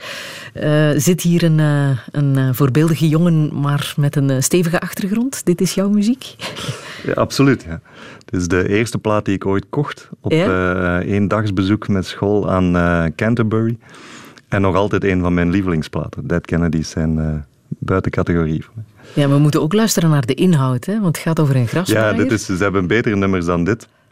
Ehm, maar het is ook wel, het, het gaat over iemand die uit, uit pure, eh, in, in een woede aanval eh, op zijn grasmaaier schiet. Dat is Ja, effectief eh, gebeurd. Hè? Een man die Ja, zijn zat geweer heeft genomen en op zijn grasmaaier is eh, beginnen schieten. Dat ook bij die oude LP's nog een heel eh, collageboekje bij waar al die eh, oorspronkelijke artikels nog bij zaten. En zo. Een, een, LP was toen nog een, een evenement. Ik heb sowieso altijd een enorme afkeer van agressie gehad, zowel in mijn persoonlijk leven als ook politiek. Het, het schelden en het roepen en het ruzie maken. Ik vond dat altijd een enorm zwaktebod. En daarom vind ik dat dit, ik- merk ook in onze maatschappij dat dat meer en meer gebeurt. Mensen een heel kort lontje hebben dat alles gaat schuren. Eh, en dat is iets wat ik toch, wat, wat gewoon niet bij mij past. Ik sta er altijd met, met open ogen naar te kijken. En dat zie je dan natuurlijk ook in uw, in uw politiek voor een groot stuk. Ja? Dat mensen toch wel onverdraagzaam zijn. Dan niet alleen naar, naar eh, migranten of, of eh, multiculturaliteit toe, maar dat mensen ongeveer tegen alles onverdraagzaam zijn tegenwoordig. Dan eh, moeten we het boek The Evolution of Cooperation lezen, volgens jou. Eh, een boek van eh, Robert Axelrod. Waarom precies? Zware kost nogthans. Het is een boek over speltheorie, maar die zware indruk op mij gemaakt hebben, omdat eigenlijk de logica beschrijft van hoe een samenleving dan toch tot stand komt. Ik moet het niet volledig proberen samenvatten. Het gaat over prisoners dilemma's en, en, en computermodellen over hoe eigenlijk spontaan mensen op een bepaald moment gaan eh, samenwerken. Niet omdat ze daarbij hun agressiviteit eh, even opzij zetten, maar omdat dat nu eenmaal in uw eigen belang is. Als je sowieso samenleeft met mensen die altijd terug tegenkomt, dan kan je maar beter iets constructiever en jezelf iets, iets inhouden. Dat is het verschil tussen individueel gedrag of, of impulsen die we sowieso hebben. Iedereen maakt zich wel eens vreselijk kwaad.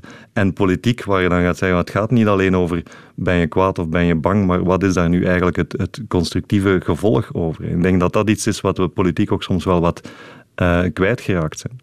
Is een verwijt, we zeggen dat altijd tegen politici, van jullie begrijpen niet wat er gebeurt. Mensen zijn bang, mensen zijn, eh, zijn boos en jullie begrijpen het niet. Ik denk dat politici door de band genomen eh, heel goed weten wat er leeft in de maatschappij. Ze zijn ook zelf bang, ze zijn ook zelf boos. Zij voelen alles wat er in die maatschappij zit. Alleen is hun taak nu eenmaal om daar iets mee te doen. En als je dan gewoon op je grasmachine schiet, zoals eh, de man in het nummer, maar ook de hele brexit gedaan heeft, dan merk je pas achteraf dat het enige gevolg daarvan is na die drie minuten dat het deugd gedaan heeft, is dat je grasmachine kapot is. hè. En daar stopt het dan ook bij. Hè? En daar stopt het. Het tegenovergestelde is eh, belangeloos engagement. Dat zeggen ook veel onderzoeken. Dat als je toch het geluk wil vinden, als eh, je wil dat het beter gaat in de maatschappij, dat altruïsme het codewoord is. Wat denk jij? Het knappe van Axelrod was juist, van dat, dat boek over speltheorie, was het juist dat het niet alleen een zaak van altruïsme was. Dat mensen niet alleen gaan samenleven omdat ze dat nu eenmaal willen, maar voor een ander, maar dat ze dat gewoon voor zichzelf moeten doen. Een voorbeeld was bijvoorbeeld de, het kerstoffensief in de loopgraven. Daar merkte je dat soldaten eigenlijk eh, betaald werden, naar daar gestuurd werden om natuurlijk zoveel mensen neer te schieten. En dat als de loopgraven te dicht bij elkaar lagen in de Eerste Wereldoorlog, dat er sowieso een bestand ontstond tussen die verschillende compagnieën. Omdat men wist van als wij nu te veel gaan schieten, bijvoorbeeld tijdens, eh, rond, rond etenstijd, ja, dan weten we ook dat de volgende etenstijd dat zij op ons gaan schieten en dat er spontaan, zonder dat er eh, met elkaar gesproken of gecommuniceerd werd, dat er spontaan een bestand ontstond. Een vorm van samenwerking uit eigen belang. Dat dat ook op den duur intuïtief in, in de mens, maar ook in, in, in, eh, in diersoorten inzat. Dat samenleven eh, gemakkelijker gaat als je het constructiever bekijkt. En dat als je begint te schieten op je grasmager, dat je vroeg of laat ook in, eh, jezelf in de voet schieten. Dat was het, het knappe ervan. Wat niet betekent dat, dat altruïsme voor een ander leven ook heel erg belangrijk is. Maar het, zo het idee dat alleen good mensen samen, eh, zoals dat tegenwoordig heet, alleen, alleen die gaan samenwerken, dat is nu net niet het geval. Samenleven en samenwerken, dat hoort gewoon bij elkaar. Waarin geloof jij? Ik heb ooit samen met mijn, eh, mijn vrouw Christel een stuk geschreven tegen het, idee dat we nergens meer in geloven. Hè. Ook een idee dat tegenwoordig nogal eh, opgang maakt. Ehm, En ik denk ook dat dat niet waar is. Dat het einde van die grote verhalen van, van religie, maar ook nationalisme, is zo'n groot overkoepelend verhaal. Dat daar juist een energie vrijkomt om in echte dingen te gaan geloven. En die zijn nooit mooier samengevat dan in de Amerikaanse onafhankelijkheidsverklaring. Life, liberty and the pursuit of happiness. Dat is echt, dat is tastbaar, dat is iets waar mensen zelf eh, ervaring, dat mensen zelf in handen hebben. En daar geloof ik heel erg in, ja. En ik ben, eh, dat is in mijn leven vrij gemakkelijk te zien. Ik ben eh, heel gelukkig getrouwd en ik heb vier kinderen en een, een vrij warme band met de, de, grotere groep van, van familie en vrienden die daar rond zit. Ik heb het geluk dat er heel veel is in mijn life. Liberty Maar dat is een belangrijke zin die je nu zegt. Hè? Ja, ik, ik heb het geluk. Niet alle mensen hebben dat geluk natuurlijk. Het is zeker zo dat niet, niet alle mensen dat geluk hebben. Maar over dat discours dat eh, veel mensen nergens meer in geloven. eh, er, is, er spreekt ook een enorm dédain uit over de gewone mensen die zogezegd dat geluk niet zouden mogen hebben. Eh, ik denk dat ook eh, mensen die niet gestudeerd zijn, die niet op een filosofische manier daarmee bezig zijn, dat die ook die warmte hebben in hun leven. Dat die geen enkele nood hebben aan geloof of nationalisme om te weten wat voor hen belangrijk is. En zij weten denk ik heel goed wat eh, de Pursuit of Happiness inhoudt. Wat is de zin van jouw leven? Het is moeilijk te samen, samen te vatten. Ik heb een, een, een boek van, eh, met interviews van W.F. Hermans, een van mijn idolen. Dat heet Scheppend Nihilisme. En Hermans is een figuur die, die mij altijd enorm heeft aangesproken, omdat er, er zit een soort van mislukking in al zijn werk. Er is weinig illusies over wat het allemaal uitmaakt.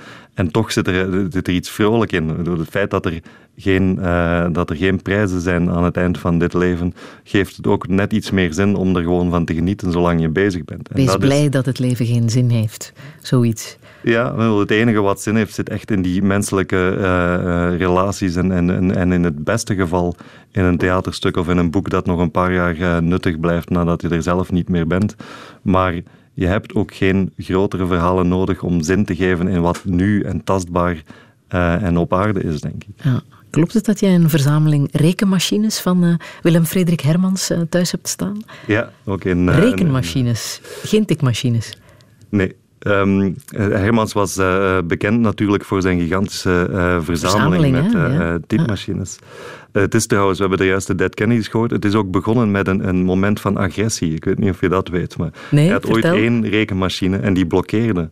Toen hij op Terschelling of zo zat, in the middle of nowhere zat te schrijven. En hij is er toen zo kwaad van geworden dat hij het ding kapot gesmeten heeft en, en eh, zelf twee stoelen gebroken heeft. En was hij zo beschaamd over ook zelf dat hij dacht van nu moet ik zorgen dat ik nooit van zijn leven zonder mijn tikmachine. Ik wil niet afhankelijk zijn van eh, één machine, dus vanaf nu ga ik ze verzamelen. Dat ik ze altijd in huis heb en dat ik ze ook kan herstellen. En uiteindelijk had hij honderden eh, tikmachines die nu in Gent in een, in een boekhandel staan uiteindelijk. In uh, Limerick, hè? Ja, aan er is ooit één, een heel kleine afsplitsing van die collectie waar zijn rekenmachines.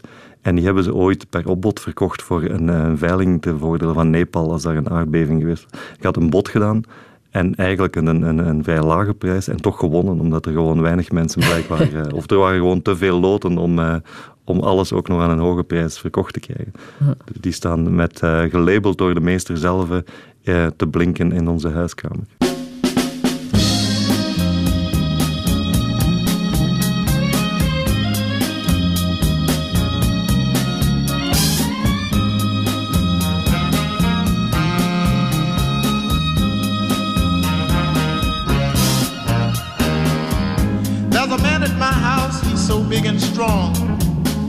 Goes to work each day and he stays all day long. He comes home each night looking tired and beat. He sits down at the dinner table and has a bite to eat. Never a frown, always a smile. When he says to me, How's my child? I say that I've been studying hard all day in school trying very hard to understand the golden rule. I think I'll color this man father. I think I'll color him love. Love. Said I'm gonna color him father. Father. I think I'll color the man love. Yes, I will. Him He says education is the thing if you want to compete. Because without it, son, life ain't very sweet.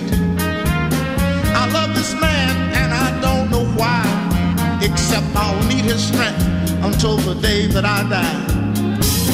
My mother loves him, and I can tell by the way she looks at him when he holds my little sister Nell. I heard her say just the other day that if it hadn't been for him, she couldn't have found her way. I think I'll color him father.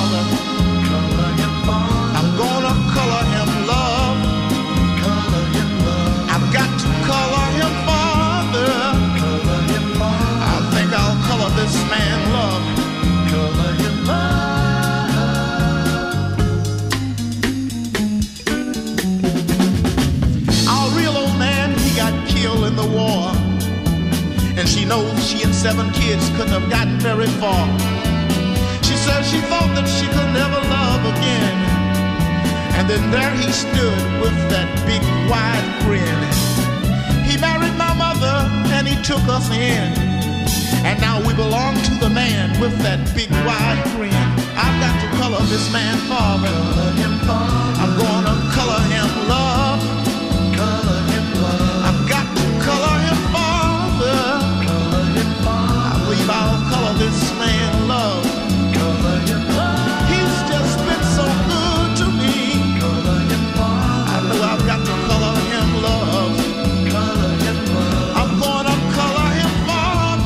De Winstons met Color Him Father. Vincent Stuur, waarom wou je dit laten horen?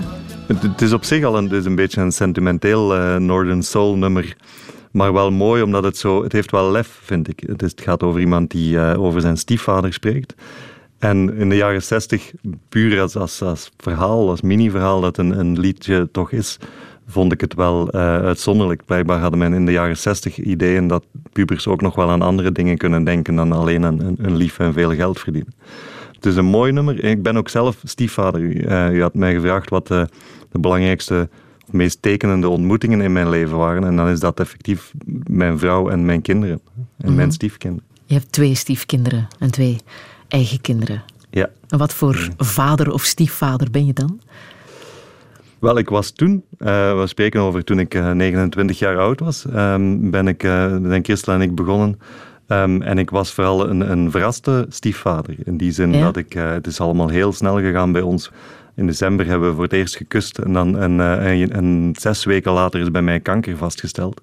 En dat zet alles gewoon in een stroomversnelling, waardoor we dan echt gewoon na twee maanden gaan samenwonen zijn. En ik dus ineens van de niet zo oorlijke vrijgezel tot een, eh, een, een stiefvader met eh, een, een ex-kankerpatiënt was op zes weken tijd. En dat is voor mij ja, de meest intense periode uit mijn leven, maar ook wel waarschijnlijk het element waar ik meest fier op ben. Eh, ik denk dat vader zijn sowieso al iets is wat, wat niet evident is voor heel veel mensen. En dat ik denk dat ik wel, het is nooit goed genoeg, of, of net goed genoeg, maar denk ik dat ik dat wel kan. Dat heb ik van thuis meegekregen, dat engagement. Als je in een relatie gaat, dan doe je dat echt onvoorwaardelijk. En als dat dan is op iemand die je graag ziet en die ook twee kinderen heeft, dan ben je ook voor hen vader. Daar gaat het nummer over. Mhm. Maar wat een lastige samenloop van omstandigheden om net eh, de liefde van je leven te ontmoeten en ook de diagnose kanker te krijgen. Hoe heb je dat eh, overleefd? Letterlijk en figuurlijk, ik heb het overleefd. Ja. Het, is, eh, het is heel eigenaardig, ook moeilijk om, om over te spreken voor mij. In die zin, het, het, het was gewoon een enorm gelukkige periode voor ons. Eh, ik had een, een vorm van kanker die ook eh, medisch niet veel voorstelde. We waren er zo vlug, vlug bij. Ik ben geopereerd geweest, maar het was ook zonder bestraling, zonder chemo achteraf. En ik heb altijd het gevoel, als ik daar dan...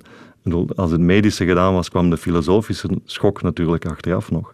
Want je bent wel gewoon 29 en ineens eh, kankerpatiënt. Dat is niet iets waar ik op voorbereid was. Maar toch altijd een beetje schuldgevoel naar de mensen die echt kanker gehad hebben. Alsof ik het zelf eh, opblies of er net iets te veel van, van maakte. Dus ik, ik, heb daar nooit eh, heel graag over gesproken. Of altijd een beetje een dubbel gevoel bij gehad. We waren gewoon enorm gelukkig. Ook daarvoor, wel, na, na een week was het al duidelijk van oké, dit, is, dit, is, dit, dit blijft, dit is het echt. En dan komt het natuurlijk allemaal in een, in een stroomversnelling. Als je dan ineens merkt, de, de schok krijgt van eh, er is bij mij een tumor vastgesteld, stand TPD eh, geopereerd moet worden. Ook nadien nog, eh, in die zin dat ik ook gewoon fysiek niet alleen kon, dus- dus direct gaan samenwonen ben. Dus met Christel en, en, en de twee kinderen, en Steen en Merlijn, die toen anderhalf en, en vier en half waren. En gewoon het gevoel van er gebeurt gigantisch veel en, en dit is super heftig, is iets waar ik eigenlijk, eigenlijk altijd wel van genoten heb. Dat klinkt heel eigenaardig, hè? Maar, maar ik ben iemand die zelf weinig energie heeft.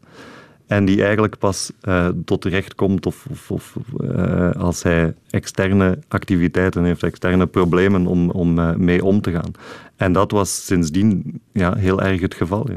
Zeg je nu dat de kanker jou heeft geholpen in jouw leven? Wel, het, het was een, een schok, maar ik, ik heb enorm geluk gehad dat, dat, het, dat we er zo vroeg bij waren dat ik medisch daar nooit last van gehad heb. En dat is natuurlijk, daar staat of valt alles mee.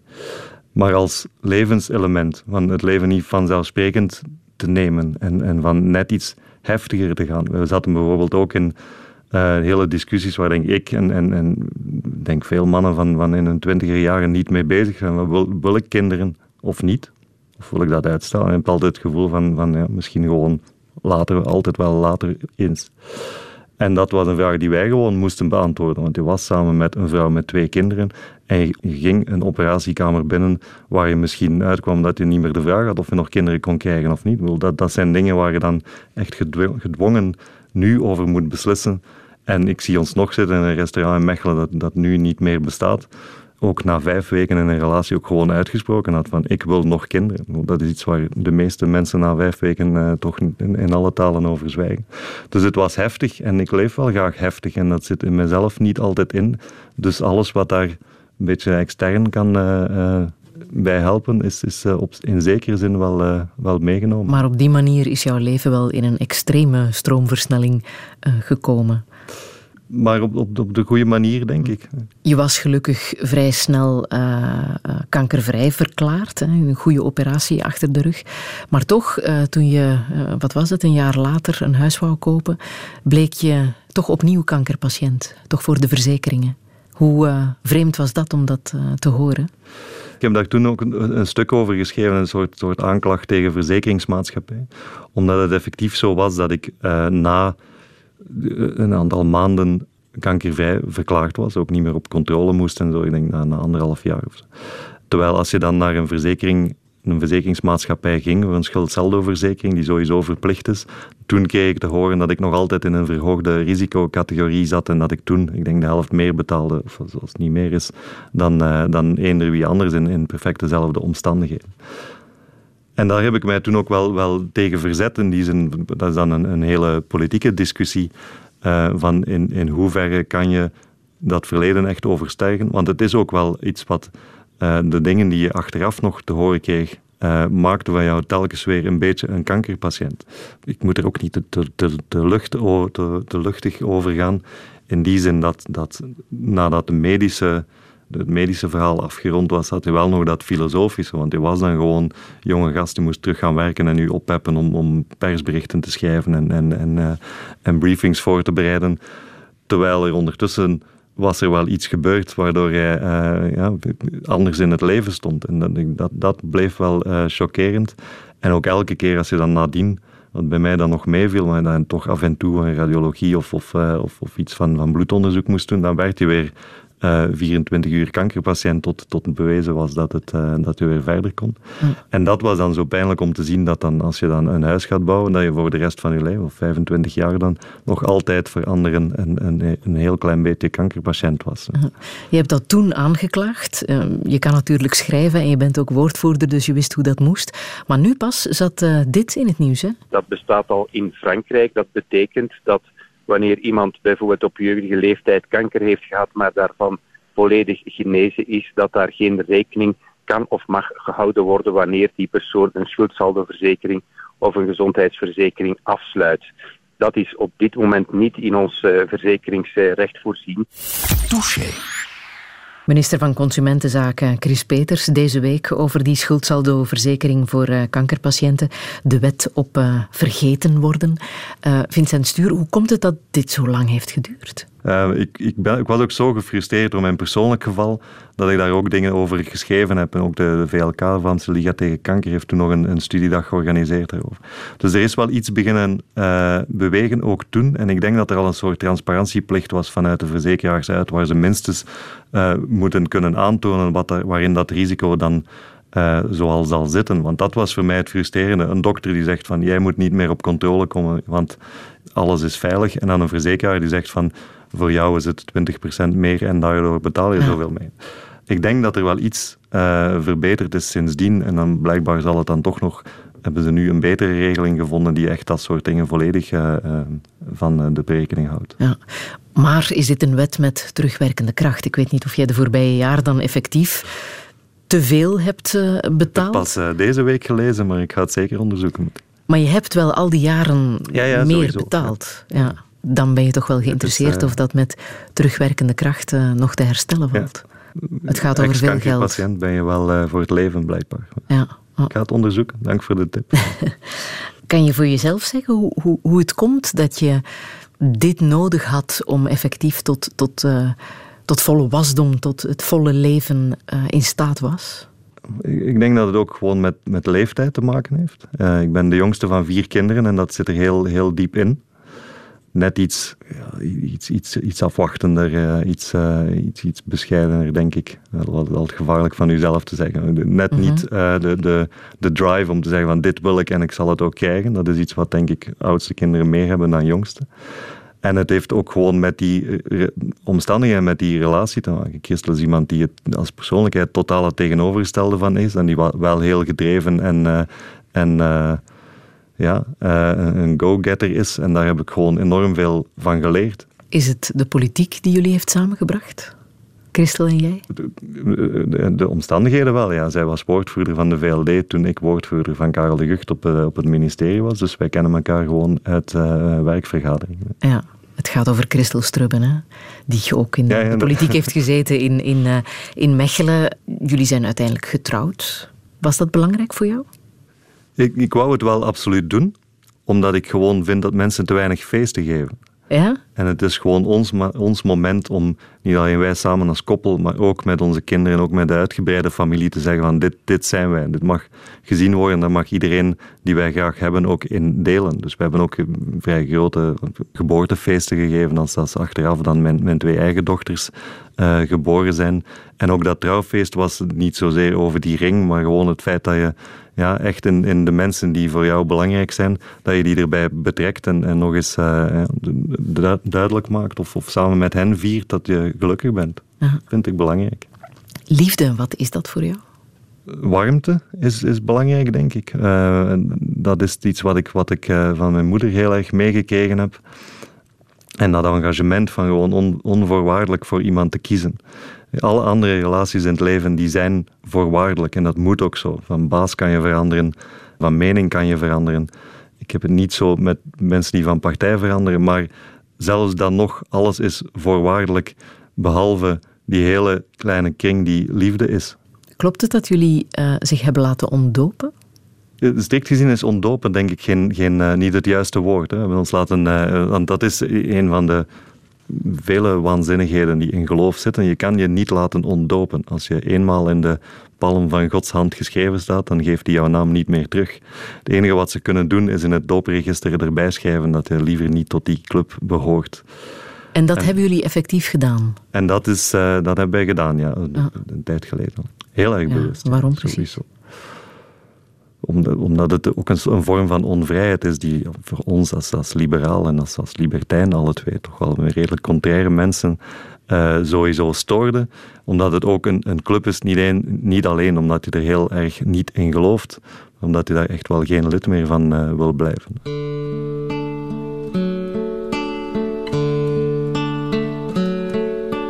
Valentine, won't you be my Valentine? And introduce your heart to mine. And be my Valentine.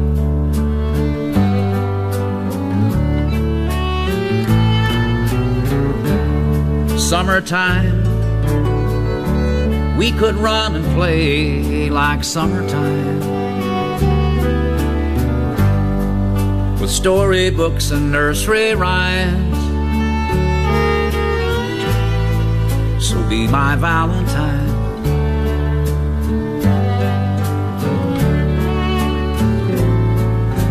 Candy heart, if anyone could, you could have a candy heart. You're the sweetest of all sweet.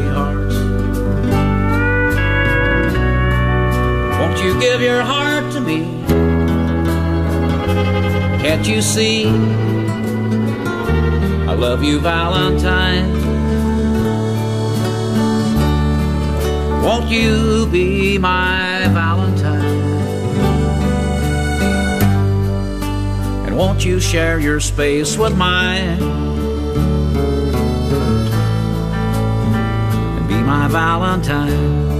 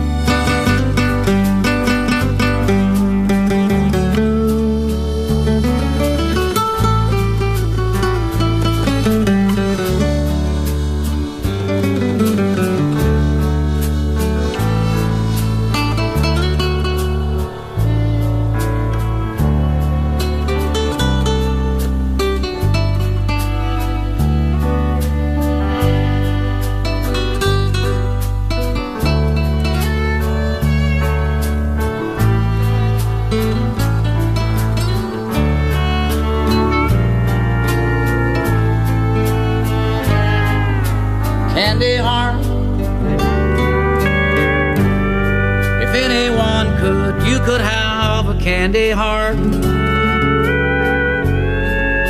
You're the sweetest of all sweethearts. Won't you give your heart to me? Can't you see? I love you, Valentine.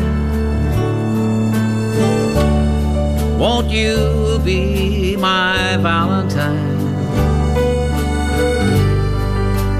And introduce your heart to mine. And be my Valentine.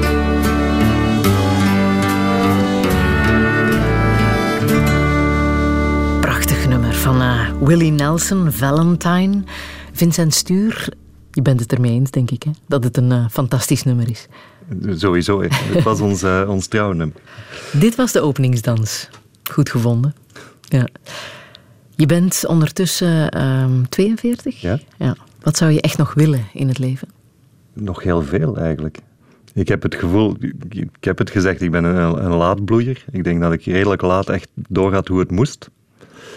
Ehm, en ik heb dan ook nu het, het heel leuke gevoel dat het pas begonnen is. Dus ik denk dat ik eh, zowel in het schrijven heel veel dingen nog moet leren, maar dat, dat vind ik gewoon enorm leuk om te doen.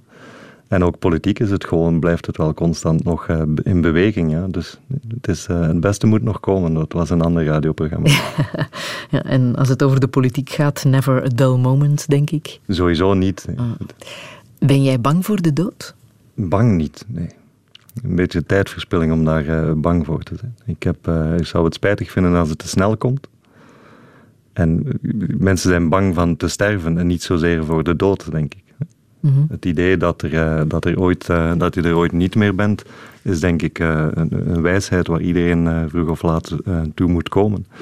Ik denk, mensen zijn, en ook ik, wel bang van op een, op een pijnlijke. En dat is ook als je wat ouder wordt, merk je ook wel dat, er, ja, dat het niet voor iedereen mooi afloopt. Maar aflopen doet het sowieso. Mm. En maar goed ook. Welke boodschap wil jij hier nog meegeven? Alexander Pechtold had in zijn afscheidsspeech een, een, eh, een mooie politieke slogan. De D66er, hè? De die is, eh, D66-leider die nu eh, ja. twee weken geleden zijn afscheid aankondigde. Zei van, zelfs Twitter bestaat nu uit 260 tekens. Dus zet toch af en toe eens een komma voor je tot je punt komt. Dat vond ik mooi samengevat. Ik wil nog ehm, Georges Brassens laten horen. La mauvaise herbe. Waarom precies? Brassens is sowieso belangrijk voor mij. Niet alleen voor de muziek en de, enorme eh, eh, spitsvondigheid die er in de, in de taal zit, maar ook de, de filosofie die eruit spreekt. Echt het, het libertijnse, het tegendraadse eh, liberale dat hij heeft.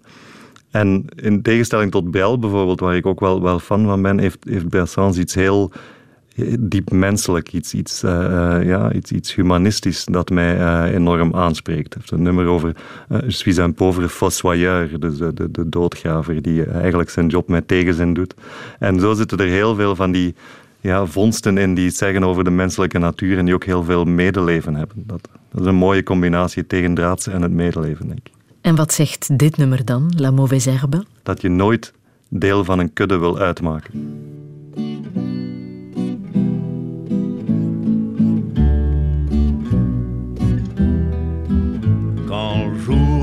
Gloire est arrivé, comme tous les autres étaient crevés, moi seul connu le déshonneur de ne pas être mort au champ d'honneur.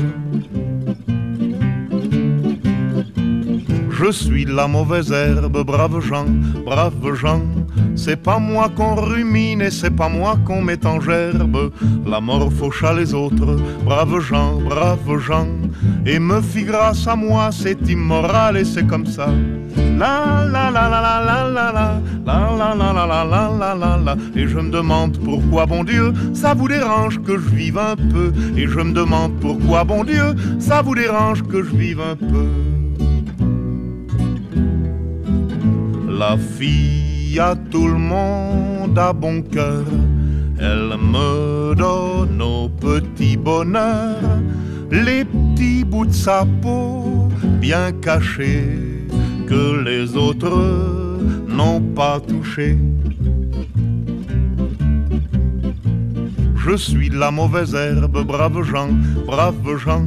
C'est pas moi qu'on rumine et c'est pas moi qu'on met en gerbe. Elle se vante aux autres, brave gens, brave gens. Elle se donne à moi, c'est immoral et c'est comme ça. La la la la la la la la la la la la la la la la la Et je me demande pourquoi bon Dieu ça vous dérange qu'on m'aime un peu Et je me demande pourquoi bon Dieu ça vous dérange qu'on m'aime un peu Les hommes sont faits, nous dit-on, pour vivre en bande comme les moutons. Georges Brassens met La Mauvaise Herbe. Ik wil jou bedanken, Vincent Stuur, voor dit uh, gesprek. Alle info is zo meteen na te lezen op onze website radio1.be. Volgende week zitten we live op de boekenbeurs en dan vieren we de 70ste verjaardag van striptekenaar Mero, de vader van Kiekebo. Dat doen we samen met uh, muzikant Jasper Steverlink. De zaal zit ondertussen afgeladen vol, maar luisteren kan natuurlijk altijd. De week daarop zitten we opnieuw live op de boekenbeurs. En dan is mijn gast Joke van Leeuwen. Als je daarbij wil zijn, snel inschrijven via de website radio1.be. Fijne zondag nog. Herbeluister dossier via de podcast, de Radio 1-app en radio1.be.